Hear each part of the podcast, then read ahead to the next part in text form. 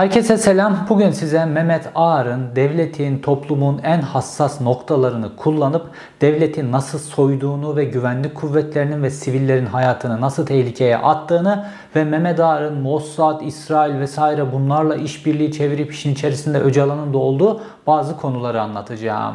Mesela Hendek operasyonlarında devleti soymak için nasıl bir mekanizma kurdu, güvenlik kuvvetlerinin hayatını nasıl riske attı, şehit edilmelerine neden oldu ve sivil kayıpların ortaya çıkmasına neden oldu. Bu konunun bütün detaylarını vereceğim. Ayrıca yıllar evveline sizi götüreceğim. 90'lı yıllara sizi götüreceğim. 90'lı yıllarda Mehmet Ağar'ın Abdullah Öcalan'ı yakalayacağız diye örtülü ödeneği nasıl hortumladığını ve devleti çok büyük biçimde rezil ettiğini, işin içerisine Mossad'ı, işin içerisine İsraillileri sokup ortaya devasa bir rezalet çıkardığını ve bu rezaleti temizleyebilmek için ortaya çıkan büyük pisliği temizleyebilmek için özel kuvvetlerin yaptığı çok özel bir operasyonun detaylarını anlatacağım. Bu video ile birlikte Susurluk olayının da taşları yerine oturmuş olacak. Yine bilgi dolu, yine dop dolu bir video ile karşınızdayım.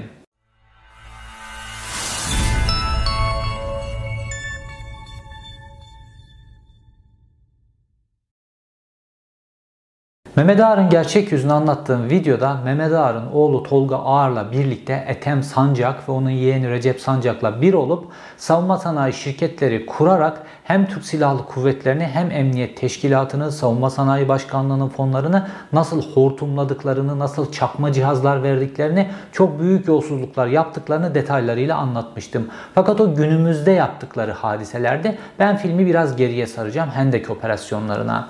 Şimdi 2015 yılındaki bu Hendek operasyonlarının aslında fikir babası Mehmet Ağar'dır. Çünkü Tayyip Erdoğan 2010 yılından itibaren Mehmet Ağar ve onun kadrolarıyla Emniyet Teşkilatı'nda çalışmaya başlamıştı ve 2014'ten yani 17-25 Aralık yolsuzluk operasyonlarından sonra Emniyet Teşkilatı'nı tamamen Mehmet Ağar'a vermişti ve 2014'te Emniyet Teşkilatı'nı Mehmet Ağar'a böyle teslim ettikten sonra 2015 yılındaki bu Hendek operasyonlarının zemini oluşturulmaya başlandı. Şimdi Mehmet Ağar zemin oluşturma işini çok iyi bilir. Yol verme işini çok iyi bilir. Ve 2015'te Hendek operasyonlarına yol açan şey PKK'nın hendekler kurması, e, yolların altına patlayıcılar döşemesi, hatta bazı evlerde duvarların sökülüp içine patlayıcılar döşenip tekrar üzerine sıvanması vesaire gibi pek çok hadiseydi. Bunların hepsinin istihbaratı dev amirleri polise hiçbir şehir içi operasyon yaptırmadılar. Önce bir zemini hazırladılar. Zemini hazırladıktan sonra Hendek operasyonları başladı ve ondan sonra güvenlik kuvvetleri de Türk Silahlı Kuvvetleri de olayın içerisine bütün boyutlarıyla girmek durumunda kaldılar. İşte bu süreçte Mehmet Ağar'ın bir vurgunu var. Mehmet Ağar da bu süreçte oğlu Tolga Ağar'ın şirketi olan BES Grup Savunma üzerinden e, hem Türk Silahlı Kuvvetleri'ni hem Emniyet Teşkilatı'nı soymaya başlıyor. Farklı aletler ürettiğini söyleyerek. Şimdi bu aletlerin nasıl çakma olduğunu hem güvenlik kuvvetlerinin hayatını nasıl tehlikeye attığını hem de sivillerin hayatını nasıl tehlikeye attığını hatta can kayıplarına neden olduğunu detaylarıyla anlatacağım. Şimdi normalde Hendek operasyonu şehir içerisinde yapılıyor ve çok hassas davranmanız lazım. Ve güvenlik kuvvetleri de böyle normalde çok yüklü miktarda patlayıcı kullanabilirler ama özellikle Sur bölgesi vesaire oralarda çok hassas olmaları gerekiyor. Şimdi bu Sur operasyonlarında, Silopi operasyonlarında iyice böyle şehrin içerisine girildiği için burada küçük dronlara ihtiyaç doğuyor. Ve BES grup hemen ortaya çıkıyor. Diyor ki bizim işte küçük şehir içerisinde kullanabileceğimiz hem de üzerinde termal kamerası olan dronlarımız var. Dolayısıyla biz bunları size satabiliriz diyor. Devlete satabiliriz bunları diyor. Tabi Mehmet Ağar perde gerisinde ama Mehmet Ağar Emniyet Teşkilatı'nda da bunların satın alınması için işleri bağlamış. Türk Silahlı Kuvvetleri'nde de işte savunma sanayi fonu üzerinden falan bağlamış. Her şey üstten bağlamış zaten. Ama önce gerekçe oluşturmaları lazım. Önce bunları devlete çakabilmek için önce bir çatışmanın çıkması lazım. O çatışma nihayetinde Tayyip Erdoğan Mehmet Ağar'ın oradan devleti soyması hiç umurunda olmaz. Çünkü bu çatışma Tayyip Erdoğan'a 1 Kasım seçimlerini %49'da kazanma şansı verdi. Şimdi BES Grup bu termal kameralı mini dronlarla vesaire böyle geliyor Emniyet Teşkilatı'nın önüne. Hem Emniyet Teşkilatı yüklü sipariş veriyor hem Türk Silahlı Kuvvetleri yüklü sipariş veriyor. Ve bu dronlar geliyor. Fakat dronlar geldiğinde şöyle bir problem ortaya çıkıyor. Aslında hem emniyetin hem Türk Silahlı Kuvvetleri'nin öncü olarak bu dronları inceleyen personelleri bu konuda uyarılarda bulunuyorlar ama sonra bakıyorlar ki üst, üstten ihale bağlanmış zaten imzalar atılmış bunlar sadece teslim almaya gidiyorlar gibi hadiseler. Şimdi şöyle bir şey oluyor gecikmeler var. Görüntünün akmasında gecikmeler var ve şehir içi olduğu için Adamın görüntüsü geliyor mesela bir köşede adamın görüntüsü. O görüntüye göre bir ateş açılıyor oraya. Fakat adam başka bir tarafa geçmiş oluyor. Ateş açıldığı için de güvenlik personelinin yeri ortaya çıkmış oluyor. Atış da boşa gittiği için güvenlik personeli bu sefer hedefe dönüşmüş oluyor. Ayrıca yine görüntü geç geldiği için PKK'lılar yerine bazen siviller hedef alınıyor ve sivillere yönelik kayıplar oluyor bir. İkincisi drone'un kontrol edilmesinde bazı gecikmeler var. Drone'u kontrol etmek için gösterilen, gönderilen sinyaller ve drone'un buna tepki vermesinde gecikmeler oluyor. Ve bu analiz ediliyor. Bunlar neden oluyor diye. Bu işte analiz edildiğinde Türk Silahlı Kuvvetleri'ndeki, emniyetteki de bütün teknik personel bu dronların ne kadar çakma olduğunu bütün detaylarıyla ortaya çıkarıyor. Şimdi ben size sizin de bu dronların nasıl çakma olduğunu anlayabilmeniz için size bu dronların içindeki parçaları komedi gibi bu içindeki parçaları tek tek anlatacağım size. Şimdi dronların bir biliyorsunuz yazılımı var. Ve dronların orijinal olması lazım ki her şeyin kendine göre özgün olması ve çok yüksek e, kalitede olması lazım ki hem frekanslarına sızılamasın bunların hem de çok yüksek tepki versin. Görüntü hızlı aksın, e, kumandaya çok yüksek tepki versin vesaire. Fakat özgün değil. Neden? Çünkü bu dronlarda kullanılan tamamen teknoloji normal bir drone satın aldığınızda ulaşabileceğiniz teknolojiyle aynı. Sadece kompozit gövdeyi orijinal olarak yapıp ona askeri bir görüntü veriyorlar. Şimdi drone'un yazılımı. Normal drone'un kullanıldığı yazılım var ya kumanda edildiği yazılım normal açık kaynak kod olarak internetten ücretsiz olarak indirilen ve bütün drone kullanıcıların, drone sevenlerin de indirdiği ünlü bir yazılım. Yani drone'un kumanda edildiği yazılım açık kaynak internetten download edilebilecek bir yazılım. Gelelim kameraya. İşte kamera şöyle termal, şöyle özellikleri var, 360 derece dönüyor, o bu vesaire. Bu normal Sony'nin piyasada Doğu Bank'ta bile bulabileceğiniz oynar başlıklı bir kamerası. Bunu alıyorlar o drone'a adapte ediyorlar. Sonra kameradan görüntüyü yere aktaracak bir e, transfer yöntemi olması gerekiyor. Bunda da yine hobi mağazalarında bulabileceğiniz Raspberry Pi denen bir yazılım var.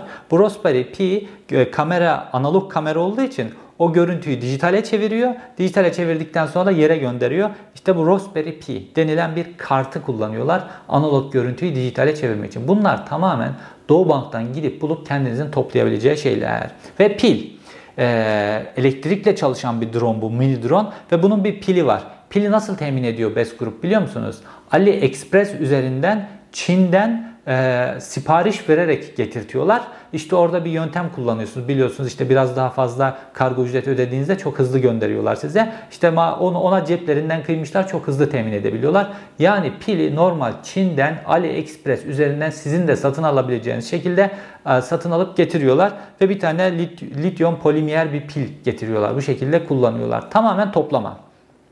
Motorlar Motorlar normalde hobi mağazalarında bulunabilecek işte e, drone motorları var. Bazıları biraz profesyonellere yönelik e, pahalı, bazıları amatörlere yönelik ucuz. İşte profesyoneller biraz daha işte düğün çekimleri, o bu vesaire işlerinde kullanıyorlar. Amatörler günlük çekimlerinde filan kullanıyorlar. Hatıra işleri şu bu vesaire. Burada işte o düğüm çekimleri vesaire bunlarda kullanılan o biraz profesyoneller için olan motor. Bunlardan getirip bu drone'un içerisine takıyorlar. Bir de aktarım var. İşte görüntünün yere aktarılması ve yerden talimatların e, drone'a gönderilmesi. Bunda da Ubiquiti denen bir tane aktarım cihazı var. Bu aktarım cihazını kullanıyorlar. Bu aktarım cihazı da normal hobi mağazalarında, iyi hobi mağazalarında bulabileceğiniz bir aktarım cihazı. Fakat bu aktarım cihazını kullandığınız zaman şöyle bir problem ortaya çıkıyor. Aynı frekanstan, aynı yerden, aynı parçanın içerisinden hem görüntü yere geliyor hem de siz drone'u kontrol ederken sizin görüntü, sizin kontrolleriniz, sinyalleriniz drone'a gidiyor. Yani aynı kanalı kullanıyorlar. İşte aynı kanalı kullandıkları için hem görüntülerde gecikme oluyor hem kumandada gecikmeler oluyor. Dolayısıyla band daralıyor. Normalde çok değişik bir cihaz kullanılması lazım. Görüntünün çok kaliteli gelebilmesi için. Fakat aynı cihazı kullandıkları için hem görüntü kalitesiz geliyor, hem gecikmeli geliyor, hem sinyaller, kontrol sinyalleri yavaş gidiyor. Böyle olunca pek çok can kaybına neden oluyor Hendek operasyonlarında.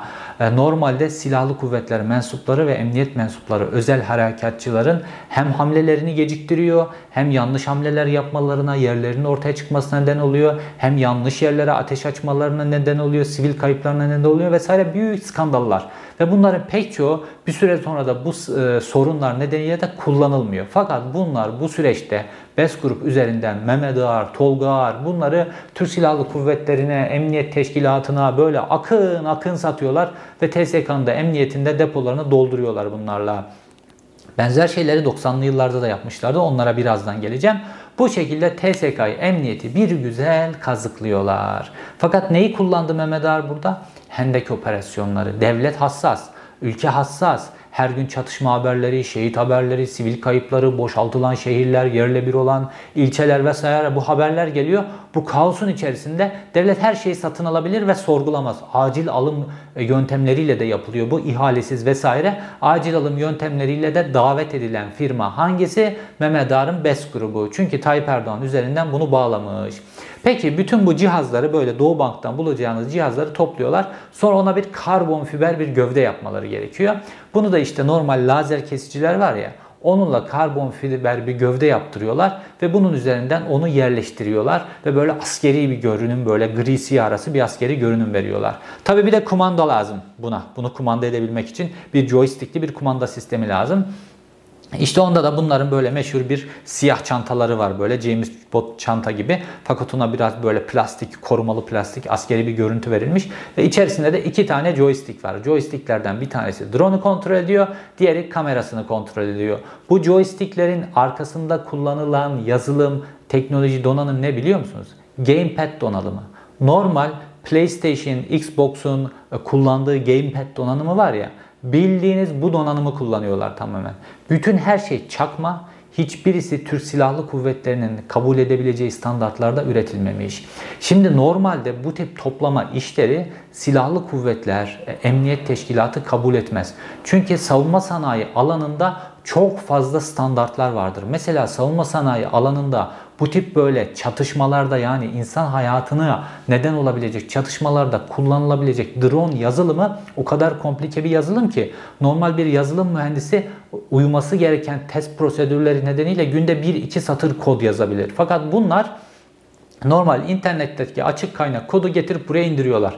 Yani düğünde bir gecikme olsa görüntünün aktarılmasında vesaire ya da düğünde drone'un kullanılmasında bir hata olsa filan önemli değil. Fakat burada can önemli. Hayatlar tehlikeye giriyor. Fakat umursamıyorlar. Amatörlerin, hobi meraklılarının kullanabileceği donanımı, yazılımı getiriyorlar. Bir araya buna bir kompozit gövde giydiriyorlar. Askeri bir görünüm veriyorlar. Afilli bir isim veriyorlar ve biz işte Ağır ailesi olarak yerli, milli bir tane donanım yaptık savunma sanayi alanında ve bunu Hendek operasyonlarında kullandırdık. Hendek operasyonlarındaki bütün başarı işte bizim BES grubun, Tolga Ağar'ın, Mehmet Ağar'ın savunma sanayine kazandırdığı bu dronlar sayesinde. Oysa ki böyle bir şey yok. Bu orada tamamen farklı mücadeleler verildi. Çok farklı şeyler oldu orada. Bunun Mehmet Ağar'ın başarısıyla falan ilgisi yok. Fakat ceplerini doldurdular.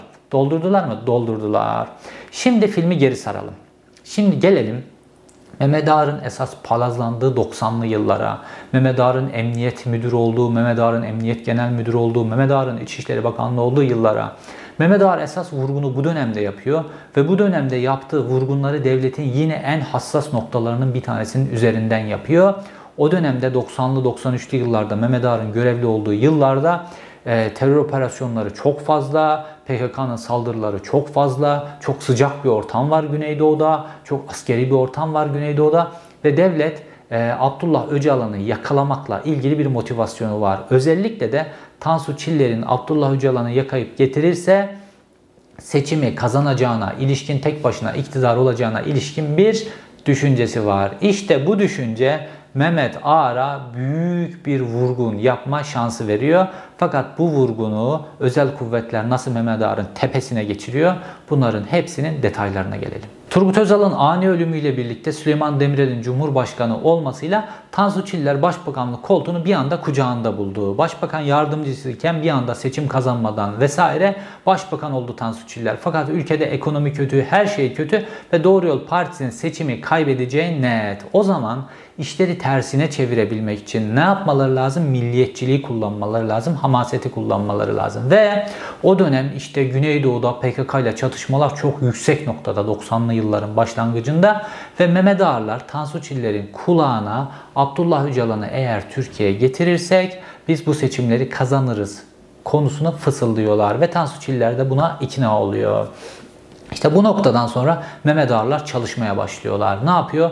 Mehmet Ağar bu konuyla ilgili 3 kişiyle geliyor Tansu Çiller'in karşısına. Bunlardan bir tanesi Sedat Bucak, bir diğeri Hüseyin Kocada, bir de Mehmet Ağar'ın kendisi. Bu Hüseyin Koca da Mehmet Ağar için çok önemli bir adamdır ve susurluk kazasında da hayatını kaybetti. Bu Hüseyin Koca neden bu kadar önemli olduğuna, ne ifade ettiğine devlette birazdan geleceğim.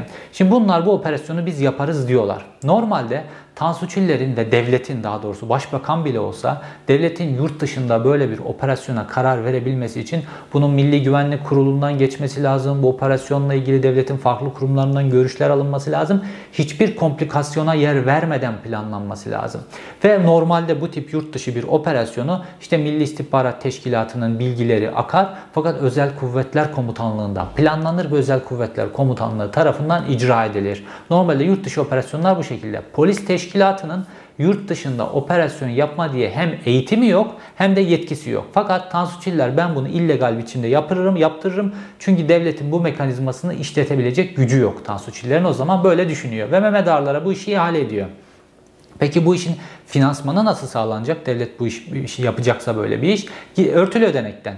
Tayyip Erdoğan'dan sonra Cumhuriyet tarihinde en fazla örtülü ödenek kullanan kişi Tansu Çiller'dir. Ve örtülü ödenekten Mehmet Ağar'a 50 milyon dolar para teslim ediliyor. Ve Mehmet Ağar bu işi planlamaya başlıyor. Hüseyin Kocada, Sedat Bucak, Mehmet Ağar. Planlama şu şekilde. Tabi Mehmet Ağar böyle çok böyle ismini böyle gündeme kahraman falan filan diye getiriyor ama Mehmet Ağar'ın polislik kapasitesi inanılmaz düşüktür. Mehmet Ağar'ın polisliği işkencedir. Mehmet Ağar'ın polisliği çökmedir. Mehmet Ağar'ın polisliği budur. Mehmet Ağar böyle teknik kapasite, operasyon kapasitesi yüksekliği vesaire öyle bir polis değildir. Tamamen içi boş. Mehmet Ağar'ın bu kısmı yok. Dolayısıyla ne yapıyor Mehmet Ağar? Bu işi İsrail'e ihale ediliyor. O zaman Hightech isimli bir firma var. İsrailli bir savunma firması. Bu firmayla temasa geçiliyor. İsrail bugün de Erdoğan rejimine inanılmaz böyle yüksek teknolojik cihazlar satıyor. Aslında İsrail böyle Orta Doğu'da ne kadar diktatör yapı varsa bunların hepsine her türlü teknolojik askeri desteği verir. Orta Doğu'nun böyle demokrasilerin gelişmediği bir yer olarak kalmasına destek veriyor. Bu da enteresan bir şey. Ve Mehmet Ağarlara başlıyorlar bunlar hem silah göndermeye hem o dönem için yüksek teknolojik cihazlar göndermeye, haberleşme cihazları hem patlayıcılar vesaire bir suikast için bu tip uluslararası bir suikast için gerekli olan her şeyi Ağar'a veriyorlar. Fakat özel harekatçıların yurt dışında ve Suriye coğrafyasında böyle bir operasyonu yapabilecek eğitimleri yok. Mehmet Ağar bu eğitimin de eski İsrail ordu mensupları tarafından özel harekatçılara verilmesiyle ilgili anlaşma sağlıyor ve Antalya'da bir kamp yeri oluşturuluyor. Ondan sonra bir planlama yapıyor. Planlamayı tamamen İsrailliler yapıyor. Operasyonu yapacak kişiler belli ve planlama şu şekilde oluyor. Bucaklar zaten Güneydoğu bölgesindeler, o sınır bölgesindeler. Bucaklara bu silahlar, patlayıcılar, teknolojik cihazlar verilecek. Bucakların sınırdan geçmesine izin verilecek. Bucakların adamları gidecekler bunu Suriye coğrafyasında belirlenen koordinatları çıkartılmış bir yerde toprağa gömecekler. Ondan sonra eğitim almış özel e, harekatçılar, e, inşaat işçisi e, kılığında Suriye'ye geçirilecek. Bunlar orada belirlenen bir inşaatta işçi gibi çalışacaklar. Sonrasında Öcalan'ın güzergahında bir nokta belirlenecek. Bu belirlemeyi vesaire bunların hepsini İsrailliler Mossad yapacak sözde. Ondan sonra da özel harekatçılar gidecekler ve orada o güzergahta Abdullah Öcalan'ı öldürecekler, infaz edecekler. Programlama bu şekilde. Ve bununla ilgili İsrail'den iki tane asker geliyor. Türkiye'ye ve bu İsrailli askerler isimlerini de hemen vereyim size. Bunlardan bir tanesi İsrail ordusundan emekli Yarbay Gobi Cohen, diğeri de kursun komutanı olarak geçen Albay Amos Golan. Bunların ikisi Türkiye'ye geliyorlar ve özel e, harekatçıları eğitmeye başlıyorlar. Ve operasyon bu şekilde ilerliyor. İlk olarak 12,5 milyon dolar ödeniyor İsrailli firmaya. Sonra bir 12,5 milyon dolar daha ödeniyor. Toplamda 25 milyon dolar ödeniyor. Fakat operasyonu ellerine yüzlerine bulaştırıyorlar. Bu operasyon gerçekleşmiyor. Çünkü bu operasyonun gerçekleşme ihtimali yok. Aslında ortada bir dolandırıcılık var. Çünkü Mehmet Ağar daha sonra bunu Mehmet Ağar Saygı Öztürk'e de itiraf etmek zorunda kaldı. Ve Mehmet Ağar'ların kafasında bu İsrailli bu savunma firması şöyle bir pazarlama yapmış. Mossad'ın gücüyle, Mossad'ın desteğiyle, istihbarat bilgisiyle vesaire bunlarla bu operasyon yapılacak. Şimdi bu Mehmet Ağarlar böyle yerli, milli bir Türk dünya meydan okur vesaire filan diyorlar ama Abdullah Öcalan Türkiye'ye getirilmesini bile Mossad'a ihale etmişler. Parayla çözüyorlar yani. Bugün de Erdoğan da böyle bu tip işlere parayla çözmeye çalışır. Ve Mossad'a ihale etmişler sözde. Mossad bunları getirip paket gibi bunlara verecek. Bunlar da işte Abdullah Öcalan'ı ya öldürecekler orada infaz edecekler ya da Abdullah Öcalan'ı bir şekilde Türkiye'ye getirecekler. Ama esas öldürmek üzerine kurulu hadise. Fakat Mossad'dan bu bilgiler gelmiyor. Mossad'dan bilgiler gelmeyince operasyonun yapılabilirliği ortadan kalkıyor. Sonuçta bunlar İsrailli bir tane firmaya paraları kaptırmışlar. İsrailli firma kendisini böyle Mossad'la devlette çalışan firma falan gibi bunlara pazarlamış. Paraları çok güzel cukkalamış. Bunlara biraz silah vermiş. Birkaç Uzi vesaire bazı silahlar vermiş. Bazı teknoloji şeyler satmış. Karını elde etmiş. Fakat Mossad'dan Abdullah Öcalan'ın yeriyle ilgili, Mossad'dan Abdullah Öcalan'ın günlük güzergahı ile ilgili geleceği söylenen ve bununla ilgili ödeme yapılan bilgiler hiç gelmemiş. Dolayısıyla ağırların bu operasyonu yapabilme kapasitesi ortadan kalkmış. Bu tip bir operasyonda bir numaralı konu istihbarattır. Doğru istihbaratı alırsan operasyonu yaparsın. İstihbarat yoksa operasyon yapılamaz.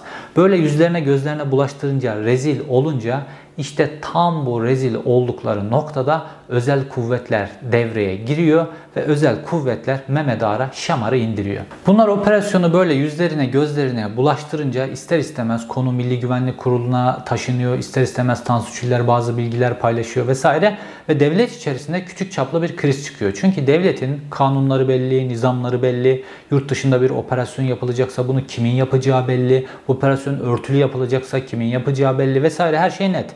Fakat emniyet teşkilatını örtülü ödeneği kullanarak böyle bir çeteyle, e, bucak aşiretiyle filan iç içe sokarak bu şekilde kullanıp bir operasyon yaptırma meselesi devlette büyük sıkıntıya yol açıyor. Çünkü herhangi bir asker, herhangi bir Milli İstihbarat Teşkilatı mensubu ve aklı başında emniyetçi bu tip bir operasyonun olamayacağını çok net biçimde görür. Bir, Mehmet Ağar'ın böyle bir kapasitesi yok. İki, İsrail'le bir tane savunma firması üzerinden Mossad'la anlaşma diye bir şey olmaz. Mossad'la bir anlaşma yapılacaksa buna ülkenin istihbarat teşkilatı ya da Dışişleri Bakanlığı mensupları gidip bu tip bir anlaşmanın zeminini oluşturur. Bunun için parayla bir tane İsrailli e, savunma firmasını kullanmazsınız. Fakat bunlar işte bunlar bu şekilde kekliyor ama Mehmet Ağar bu süreçten de cebine çok fazla para indiriyor. Çünkü hem anlaşma öyle 50 milyon dolar büyüklüğünde değil. Bunda Mehmet Ağar'ın komisyonu var. Hem de ortada silahlar var.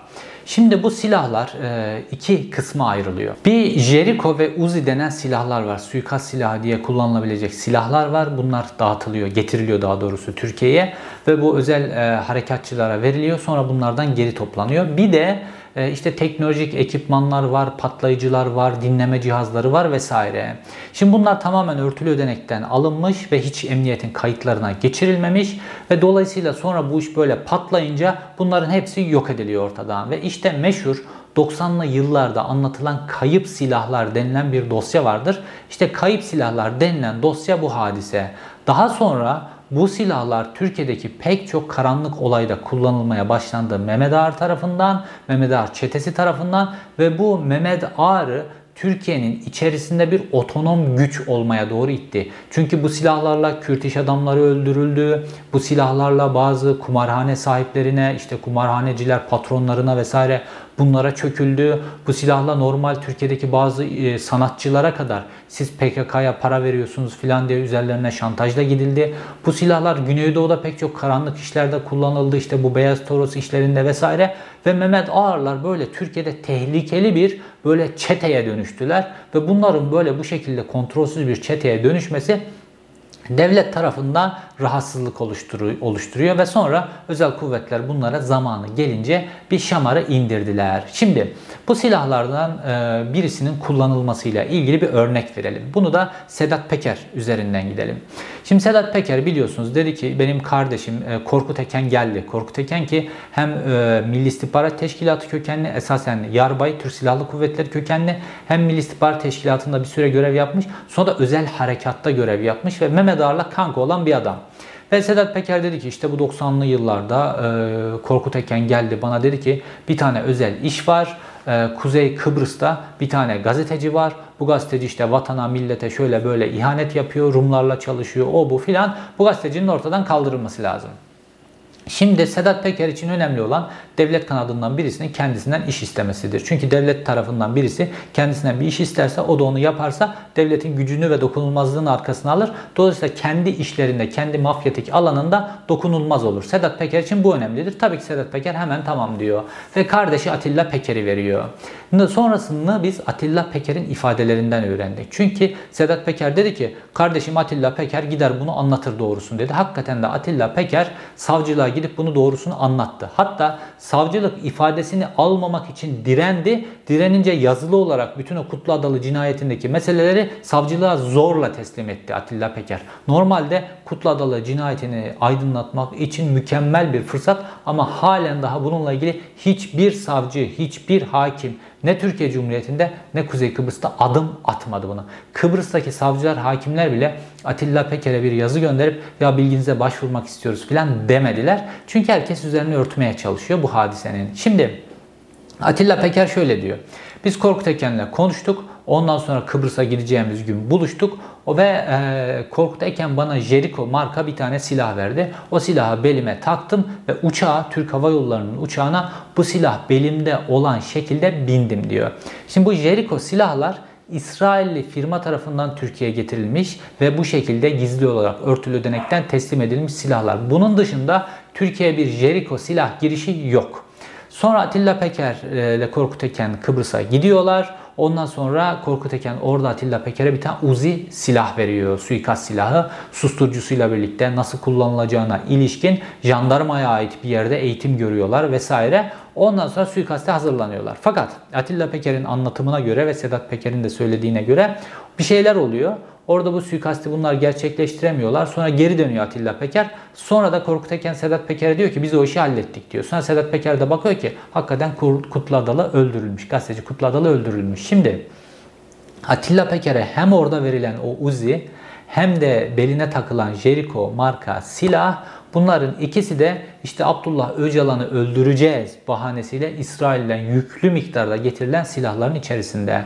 Sonra bunlar operasyon çökünce ortadan kaybedildiler çünkü zaten kayıtlara geçirilmemişti ve bu silahlarla Türkiye'de pek çok karanlık işler işlendi. Hatta Sedat Bucak susurluk kazasından sağ çıkan tek kişi ya. Sedat Bucak susurluk kazasından sağ çıktığında Sedat Bucak'ın üzerinde bir Baretta marka tabanca bulundu. Bu Baretta marka tabanca da aynı şekilde İsrail'le firmadan satın alıp İsrail üzerinden Türkiye'ye getirildiğiyle ilişkin kayıtlar bulundu. Sonra işte Susurluk Araştırma Komisyonu, emniyetteki bazı çalışmalarla bu kayıtlar buldu. Fakat o silahın nereden nasıl getirildiğine ilişkin yerin üzeri tak diye kesildi. Fazla araştırmadılar. Yani ne yaptığınızı biliyoruz dediler. O noktada kaldılar. Ta Sedat Bucağa kadar bu silahlardan verilmiş. Mehmet Ağar ve bütün ekibine hepsine bu silahlar verilmiş. Fakat ne oldu? Bunlar böyle bir çeteye dönüşünce Ondan sonra bunları durdurmak artık devlet açısından bir gerekliliğe dönüştü. Çünkü iş adamlarına çöküyorlar, Güneydoğu'da acayip işler yapıyorlar, halkı devlete karşı kışkırtıyorlar, e, sürekli olarak ekonomik kazanımlar elde ediyorlar bu çökmeleriyle birlikte ve emniyet teşkilatıyla mafyayı çok iç içe sokuyorlar. Kumarhanecilerin paralarını da kullanarak emniyet teşkilatını, bürokrasiyi, yargıyı farklı noktaları ele alıyorlar ve Mehmet Ağar giderek böyle ülkenin bütün kontrol noktalarını eline alabilecek siyasi bir profil olmaya doğru gidiyor. Çünkü paraları var, yargıyı satın alıyorlar. Paraları var, Emniyet teşkilatında her işi yaptırıyorlar. Kendi kadroları var emniyet teşkilatında 10, 15, 20 bin polis aldı Mehmet Ağar. İçişleri Bakanlığı döneminde, Emniyet Genel Müdürlüğü döneminde inanılmaz kadrolaştı. Ve bu şekilde illegaliteyi kullanmakla da ilgili hiçbir sınırlar yok. Çünkü bütün mafya gruplarıyla, Sedat Peker'inden tutun da başkalarına kadar bütün mafya gruplarıyla da ilişkileri var. O zaman bunlara bir dur demek lazımdı ve küçük bir operasyon yaptı. Şimdi bu tip işlerde Normalde yargı yoluyla devlet bütün bu bağırsakları ortaya döküp Mehmet Ağar'ın, Korkut Eken'in, Hüseyin Kocadağ'ın, Bucakların falan ne olduğunu hepsini ortaya çıkartabilir. Fakat Türkiye'de böyle bir gelenek yok. Yargı yoluyla temiz biçimde bu yapılmaz. Ne yapılır? Bunların etkisi kırılır. Bunların etkisi nasıl kırıldı biliyor musunuz? Susurluk kazasında Kutlu Adalı 6 Temmuz 1996'da öldürüldü ve 5 Kasım 1996'da Susurluk kazası meydana geldi. Susurluk kazası meydana geldiğinde e, e, Mehmet Ağar'ın en önemli iki adamı Hüseyin Kocadağ ve Sedat Bucak o Mercedes'in içerisindeydi. Ve özel kuvvetler inanılmaz temiz bir iş yaptı. Silah kullanılmadı, hiçbir şey yapılmadı. İzlemeler çok güzel yapılmış. O aracın içerisinde oldukları çok güzel tespit edilmiş. Ve Mehmet Ağar'ın diğer illegal adamı e, Abdullah Çatlı da aracın içerisinde. Tam böyle büyük bir medya skandalı patlayabilecek şekilde o üçlü bir araya geldikten sonra bir kamyon önlerine çıktı. O kamyon çarptı. Sonrasında da bağırsaklar patladı. Bağırsaklar patlayınca ortaya saçılan bağırsakların tamamı Mehmet Ağar ve onunla ilişkili adamların bağırsakları. Dolayısıyla Mehmet Ağar'ın gücü bir anda kırıldı devlette. Ta ki ne zamana kadar? Tayyip Erdoğan Mehmet Ağar'ın önünü açana kadar ve bu olaydan sonra yani Susurlu kazasından sonra Mehmet Ağar öyle bir ders aldı ki askerin kulu köpeği oldu Mehmet Ağar ve ondan sonra 28 Şubat'ta da askerin kulu köpeği oldu Mehmet Ağar. Hatta 27 Nisan 2007 yılındaki 27 Nisan e-muhtırası vardır ya o süreçte Mehmet Ağar'ın askerlerle koordineli yaptıklarından bakın. İşte 367 oylamasında meclise gitmedi filan partisini e, e, Erkan Mumcu ile bir koalisyon kuruyordu. Askerlerin isteği doğrultusunda o koalisyon dağıldı vesaire. Tamamen askerler 2007'de ne istiyorsa onu yaptı Mehmet Ağar. Sonrasında Baktı ki işler tersine döndü. 2010'dan sonra Tayyip Erdoğan ipleri gücünü aldı. Eline aldı yeniden Tayyip Erdoğan'a yanaştı ve 2010'dan sonra da Tayyip Erdoğan Mehmet Ağar kadrolarının önünü emniyette inanılmaz biçimde açmaya başladı. 2014'ten sonra tamamen açtı ve şu anda Mehmet Ağar kadroları emniyetin bütün kritik noktalarında bunun karşılığında da onlar yaptıklarına karşılıkta Tayyip Erdoğan'a ihaleler vesaire bu tip çakma işleri Türk Silahlı Kuvvetleri'nin emniyete sakmasıyla cebini dolduruyor. Fakat bu yıllarla ilgili Mehmet Ağar'ın adamlarından bir diğeri Hüseyin Kocadağ. Çok önemli bir adamdır. Susurluk kazasında hayatını kaybetti. Bu Hüseyin Kocadağ bir parantez açmak lazım ki Mehmet Ağar'ın devlette işleri nasıl yürüttüğüne ilişkin e, konuları tam olarak anlayalım. Hüseyin Koca da Mehmet Ağar'ın 1990'lı yıllardaki beyni desek böyle yanlış söylemiş olmayız. Hüseyin Koca da kapasite olarak böyle işleri yürütme kapasitesi olarak Mehmet Ağar'dan daha yüksek kapasitede birisidir. Fakat Mehmet Ağar'a göre tabii ki daha genç kalıyor. Mehmet Ağar o dönem işte daha yaşı ileri olduğu için Emniyet Genel Müdürlüğü, ondan sonra İçişleri Bakanlığı'na doğru ilerliyor. Şimdi Hüseyin Koca da Mehmet Ağar için, Mehmet Ağar için özel kılan şey Hüseyin Kocadağ'ın eriştiği farklı kesimler. Şimdi Mehmet Ağarlar işte mafya gruplarının içerisinde varlar, ülkücülerin içerisinde varlar vesaire ama Türkiye'de farklı şeyleri gerçekleştirebilmek için sol gruplara da uzanabilecek bir adam lazım. Burada Hüseyin Kocadağ'ın Alevi olması Mehmet Ağar için bulunmaz bir nimet. Şimdi diyeceksiniz ki Alevi birisi Mehmet Ağar gibi birisiyle nasıl çalışıyor? Şu an Türkiye Cumhuriyeti'nde şu anda kendisine Kemalist diyen, kendisine Atatürkçü diyen pek çok kişi de Tayyip Erdoğan'la birlikte çalışıyor. Bu tip böyle söylemler, görünüşler vesaire bunlara hiç aldanmayın.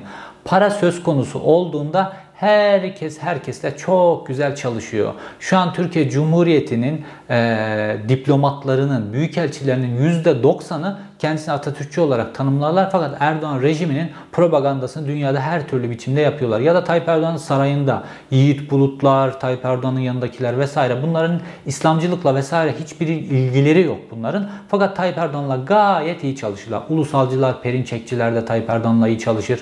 Normalde İslamcılardan nefret eden MHP'liler, ülkücüler de Tayyip Erdoğan'la kanka filan. Bunu aslında geçen günlerde Rasim Ozan Kütahyalı çok güzel söyledi böyle. Ali Koç'la kavgasından sonra bir röportaja çıkmıştı. Dedi ki ya siz şu anki rejimi böyle Tayyip Erdoğan AK Parti rejimi mi zannediyorsunuz? Şu anki bir ortaklık diyor, konsorsiyum diyor. Bu ortaklıkta herkes var diyor. Hep beraber devleti yiyoruz filan diyor. Baktığınızda da hakikaten böyle yani bu kadar Atatürkçü Büyükelçi nasıl Tayyip Erdoğan'la çalışır ama ceplerine bakıyorlar. İyi pozisyonlar, büyükelçilik olmak vesaire herkes cebine bakıyor. Bu konu böyle. Şimdi Hüseyin Kocadağ'da Alevi kimliği nedeniyle Mehmet Ağar için eşsiz bir adam. Mesela Sabancı suikasti biliyorsunuz 90'lı yılların en karanlık suikastlerinden bir tanesidir. Ve Sabancı suikastinde de Sabancı ki Hacı Sabancı o zaman öldürüldü. Sabancıların beyniydi. Hacı Sabancı öldürüldükten sonra Sabancılar dağıldı resmen. Ve bu Sabancı suikastiyle ilgili de Böyle gözler hep biraz böyle koç grubuna doğru da kayar aslında bir, bak bir bakıma. Birazdan Mehmet Ağar'ın koç grubu ile ilişkisiyle ilgili de bir şeyler anlatacağım size 90'lı yıllarla ilgili. Hacı Sabancı'nın öldürülmesinde Fehriye Erdal'ın Sabancı kulelerinde çaycı olarak işe sokulmasıyla ilgili e, kişi Hüseyin Kocadağ o zaman emniyet müdürü ve Fehriye Erdal'da baktığımızda DHKPC'li fakat e, Alevi kimliği olan Hüseyin Koca da bu tip örgütlere iletişim kurma açısından çok elverişli bir adam ve Fehriye Erdal'ı Sabancı Kulelerinde işe sokuyor. Ondan sonra da Hacı Sabancı suikasti gerçekleşiyor.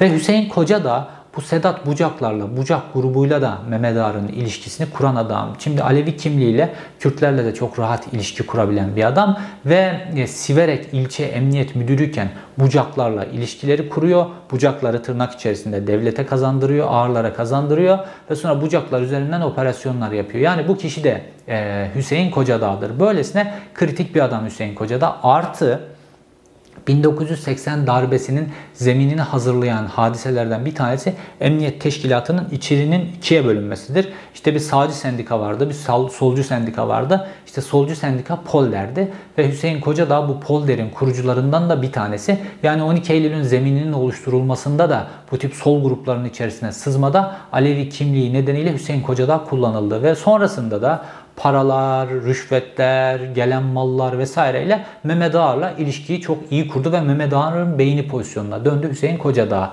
Hatta Hüseyin Kocadağ iki kere mafyadan rüşvet aldığı artık net olarak kanıtlandı ve iki kere emniyet teşkilatından ihraç edildi. Bu ikisinde de Danıştay kararıyla, yargı kararıyla emniyete geri döndü. Yargı üzerindeki mekanizmaları çevirme açısından da Mehmet Ağar, e, Mehmet Ağar'ın çok işine yarayan bir adamdı. Yine burada da Alevi kimliği üzerinden Mehmet Ağar onu kullanıyordu o yıllarda. Dolayısıyla böyle kritik bir adamdı Hüseyin Koca'da ve Abdullah Çatlı'yı Türkiye'de gerçek ismiyle bilip gerçek ismiyle onunla ilişki kuran çok az adamlardan bir tanesiydi. Normalde baktığınızda işte Hüseyin Kocadağ gibi bir adamın, e, Abdullah Çatlı gibi bir adamla ne işi var filan ama aynı arabanın içerisinde Sedat Bucak, Abdullah Çatlı, Hüseyin Kocadağ o Mercedes'in içerisinde seyahat ediyorlardı ve Mercedes'i Hüseyin Kocadağ sürüyordu. Sonrasında da özel kuvvetlerin tertemiz bir operasyonuyla bir kaza gerçekleştirdi. E, tereyağından kıl çeker gibi orada bütün Mehmet Ağar çetesini ifşa ettiler. Mehmet Ağar çetesinin belini kırdılar. Ondan sonra da Abdullah Öcalan'ın Türkiye'ye getirilmesi işini özel kuvvetler devraldı. Ondan sonra bir planlama yapıldı. İşte biliyorsunuz onlar Hatay valisi olarak Hüseyin Kocadağ planlamışlardı. Bütün oradaki kazanımı Hüseyin Kocadağ toplayacaktı. İşte operasyonun koordine edilmesi vesaire. Fakat bunun yerine Türk Silahlı Kuvvetler o bölgeden sorumlu general işte bir açıklama yaptı. Ondan sonra iki sene sonrasında hemen baskı kuruldu, zemin oluşturuldu. Abdullah Öcalan Suriye'yi terk etmek zorunda kaldı vesaire. Sonra da onlar Mossad'a paketletmeye çalışıyorlardı parayla. Bu taraftan Türkiye kendi diplomatik ilişkilerini kullanarak İsrail'e paketletti, e, CIA'ye paketletti ve e, Abdullah Öcalan'ı Türkiye'ye getirtti. Olay bir şekilde oldu. Yani tamamen özel kuvvetlerin olayı devralmasından sonra hiçbir özel kuvvetler mensubunun Türk Silahlı Kuvvetleri görevlisinin hayatı tehlikeye atılmadan ve böyle başka bir ülkenin, komşu ülkenin topraklarının içerisinde suikaste vesaire de imza atılmadan Abdullah Öcalan Türkiye'ye getirilmiş olduğu bu olayın bu tarafı. Şimdi gelelim Mehmet Ağar'ın 90'lı yıllarda Koç grubunun gücünü de arkasına alabilmek için yaptığı hamleye ve bununla pek çok polisin şehit olmasına neden olan devasa büyük bir ihanete. Şimdi Mehmet Ağar böyle çok vatansever, böyle polisin, Mehmetçiğin böyle canını düşünür vesaire böyle kendisini propaganda yapıyor ya sürekli olarak. Nasıl böyle olmadığını, Mehmet Ağar'ın sadece kendi ikbalini ve cebini düşündüğünü bize anlatan örneklerden bir tanesi. Şimdi 90'lı yıllarda Mehmet Ağar hem Emniyet Genel Müdürlüğü yaptı hem de İçişleri Bakanlığı yaptı. Ve bu 90'lı yıllarda özellikle PKK ile şehir içerisinde de böyle meskun mahallelerde de çatışmalar olması nedeniyle emniyet kuvvetlerinin bir ihtiyacı doğuyor. O da hem personeli bir yerden bir yere e, nakletmek hem de böyle meskun mahalledeki çatışmalarda kullanılmak üzere zırhlı üzerinde bir tane otomatik tüfeği olan bir araç talep ediliyor ve bununla ilgili de emniyetin ilgili birimleri nasıl bir araç olması lazım, hangi özelliklerde olması lazım vesaire bununla ilgili bir rapor, şartname belirleyip emniyet teşkilatına, emniyet genel müdürlüğüne gönderiyorlar. Ve Mehmet Ağar o dönemde otokarın ürettiği Akrep denen bir araç var. Mehmet Ağar bu akrep denilen aracın alınmasını istiyor. Fakat o dönem emniyeti, emniyet teşkilatının içerisinde hem bu çatışmaları bilen hem de bu tip böyle cihazları test edebilecek e, mühendisler bu akrep denilen aracın başka şartlar için üretildiği Güneydoğu'daki bu tip çatışmalarda kullanılamayacağını söylüyorlar. Devletin ihtiyacı başka türlü ihtiyaçları varsa alabilir fakat Güneydoğu'daki çatışmalar için uygun değil deniyor. Neden? Çünkü bu ilk akrep denilen alet e, uzun namlulu silah mermilerine karşı dayanıksız. Tabanca vesaire, taş maş vesaire bunlara dayanıklı da uzun menzil. Çünkü PKK Kalaşnikov kullanıyor ve Doçka kullanıyor zaman zaman. Bunlara karşı dayanıksız. Hem de böyle yer altına o dönem küçük el yapımı patlayıcılar vesaire yerleştiriyorlar. Bu tip patlamalara karşı da koruyuculuğu yüksek değil. Dolayısıyla personel de bir yerden bir yere doğru bir yere nakledemeyiz şehir içerisinde diye karşı çıkıyorlar. Fakat Mehmet Ağar Koç grubunun kuvvetini arkasına alabilmek için kendi siyasi ikbali açısından zorla bu otokarla anlaşmayı imzalattırıyor ve bu akrep denilen araçlar alınıyor. Ondan sonra bu akrep denilen araçların içerisinde e, uzun namlulu silahların kurşunlarını geçirdiği için, patlamalara dayanıksız olduğu için fakat alınmış, envantere girmiş ve nakil aracı olarak ondan daha iyi bir araç da yok elde. Mecburen bunu kullanıyorlar. Hem özel harekatçılar hem çevik kuvvet vesaire bunu kullanıyorlar. Dolayısıyla onlarca yüzlerce şehit çıktı bu akreplerin içerisinden. Ayrıca otokar o dönem bunu böyle Land Rover'ın Defender diye bir tane aracı vardı. Onun şasisinin üzerine yerleştirmiş. Pek çok arızaya neden oluyor bu. Sürekli bakıma gitmek zorunda kalıyor vesaire. İnanılmaz büyük bir ekonomik kayıp da can kaybının dışında ekonomik kayıp da ortaya çıkardı. Fakat Mehmet Ağar sırf Koç grubunun gücünü arkasına alabilmek için o araçları emniyet teşkilatına aldırdı ve Güneydoğu'nun en sıcak yıllarında onları kullandırdılar. Pek çok can kaybına neden oldu. Özetle Mehmet Ağar budur. 90'lı yıllarda da Mehmet Ağar buydu. Devlet Abdullah Öcalan ya da siyasetçiler Abdullah Öcalan'ın yakalanmasını gündeme getirdiklerinde bundan cebimi nasıl doldururum diye düşündü. Cebini doldurdu bu hadiseden. Türkiye'yi çok büyük bir tehlikenin içerisine attı. Türkiye'yi rezil etti. Devletin parasını batırdı. Sonra da o silahları hem sattı İsrail'den getirilen o yasa dışı silahları hem sattılar hem yasa dışı işlerde kullandılar, iş adamlarına çöktüler, kumarhane sahiplerine çöktüler. Türkiye'yi bir çet ortamına çevirdiler. O silahlarla çok fazla suç işlendi. Sonrasında da işte günümüze geldiğimizde de işte yine bu savunma sanayi şirketleri kurdular. Bunlar da Doğu Bank'tan toplanacak oyun cihazlarıyla, toplama parçalarıyla sözde çok yüksek teknoloji ürünü dronlar yapıyormuş gibi bunu da Türk Silahlı Kuvvetleri'ne, emniyete dayadılar. Bu, bu sebeple de pek çok güvenlik kuvveti e, hayatını kaybetti. Sivil kayıplar oldu. Mehmet Ağar budur. Mehmet Ağar'ın vatanı, milleti paradır. Mehmet Ağar için başka hiçbir değer yoktur. Geçmişte kuvvetli oldukları zaman askerin kuyruğunun altına girdi. Şimdi kuvvetli olduğu için Tayyip Erdoğan'ın kuyruğunun altına giriyor. Bunların başka bir değeri yok. Şimdi Tolga Ağar diyor ya, Tolga Ağar nasıl milletvekilliğini seçildiğini anlatan bir video kaydı var. Orada diyor ki böyle bir de böyle öyle etkilenmiş şekilde ki Tayyip e, Erdoğan Sayın Cumhurbaşkanı bana milletvekilliği teklif edince işte tüylerim diken diken oldu. Benim için Cumhurbaşkanı Allah gibi bir şey filan diyor böyle. E senin için Cumhurbaşkanı tabii ki Allah gibi bir şey. Çünkü senin Allah'ın para olduğu için zaten. Dolayısıyla para da ondan geldiği için bugünümüzde. Dolayısıyla senin Allah'ın olur? Geçmişte de başkaydı. Bunların tanrıları, ilahları başkaydı. Fakat tamamen hadise para ve güç etrafında dolaşır ve Mehmet Ağar'ın devletten başka para ve güç kaynağı yoktur. Mehmet Ağar kendi başına hiçbir şeydir. Mehmet Ağar'ın ne olduğunu sonuna kadar kayıtlara geçmesi, bütün detaylarıyla kayıtlara geçmesi için bu ve benzeri videolar yapmaya devam edeceğim. Bu adamların bilinmesi lazım. Mehmet Ağar bu tip adamların prototipidir. Bu tip adamların iyi bilinmesi lazım. Böyle bu adamlar yok böyle devlet için gizli görevler yapmışlar yok böyle şöyle böyle vatanseverler vesaire bunların hepsi hikaye. Bunlar devleti, milleti, milliyetçiliği, dini, imanı, bütün değerleri her şeyi kullanırlar ve Mehmet Ağar bir bakarsın Mao'cu Ethem Sancak'la çalışıyor. Bir bakarsın çok başka adamla çalışıyor. İslamcı Tayyip Erdoğan bir bakarsın böyle Mao'cu Ethem Sancak'la çalışıyor. Bir bakarsın e, Doğu Perinçek'le çalışıyor. Bir bakarsın birbirlerine anavrat küfrettikleri Devlet Bahçeli ile çalışıyor. Bir bakarsın başkasıyla çalışıyor. İdeolojiler, ideolojiler kendileri ve ittifak ettikleri etraflarındaki adamlar için hiç önemli değildir. Tek mesele paradır. Halkın da parasına, vatanına, ülkesine sahip çıkması lazım. İzlediğiniz için teşekkür ederim. Bir sonraki videoda görüşmek üzere.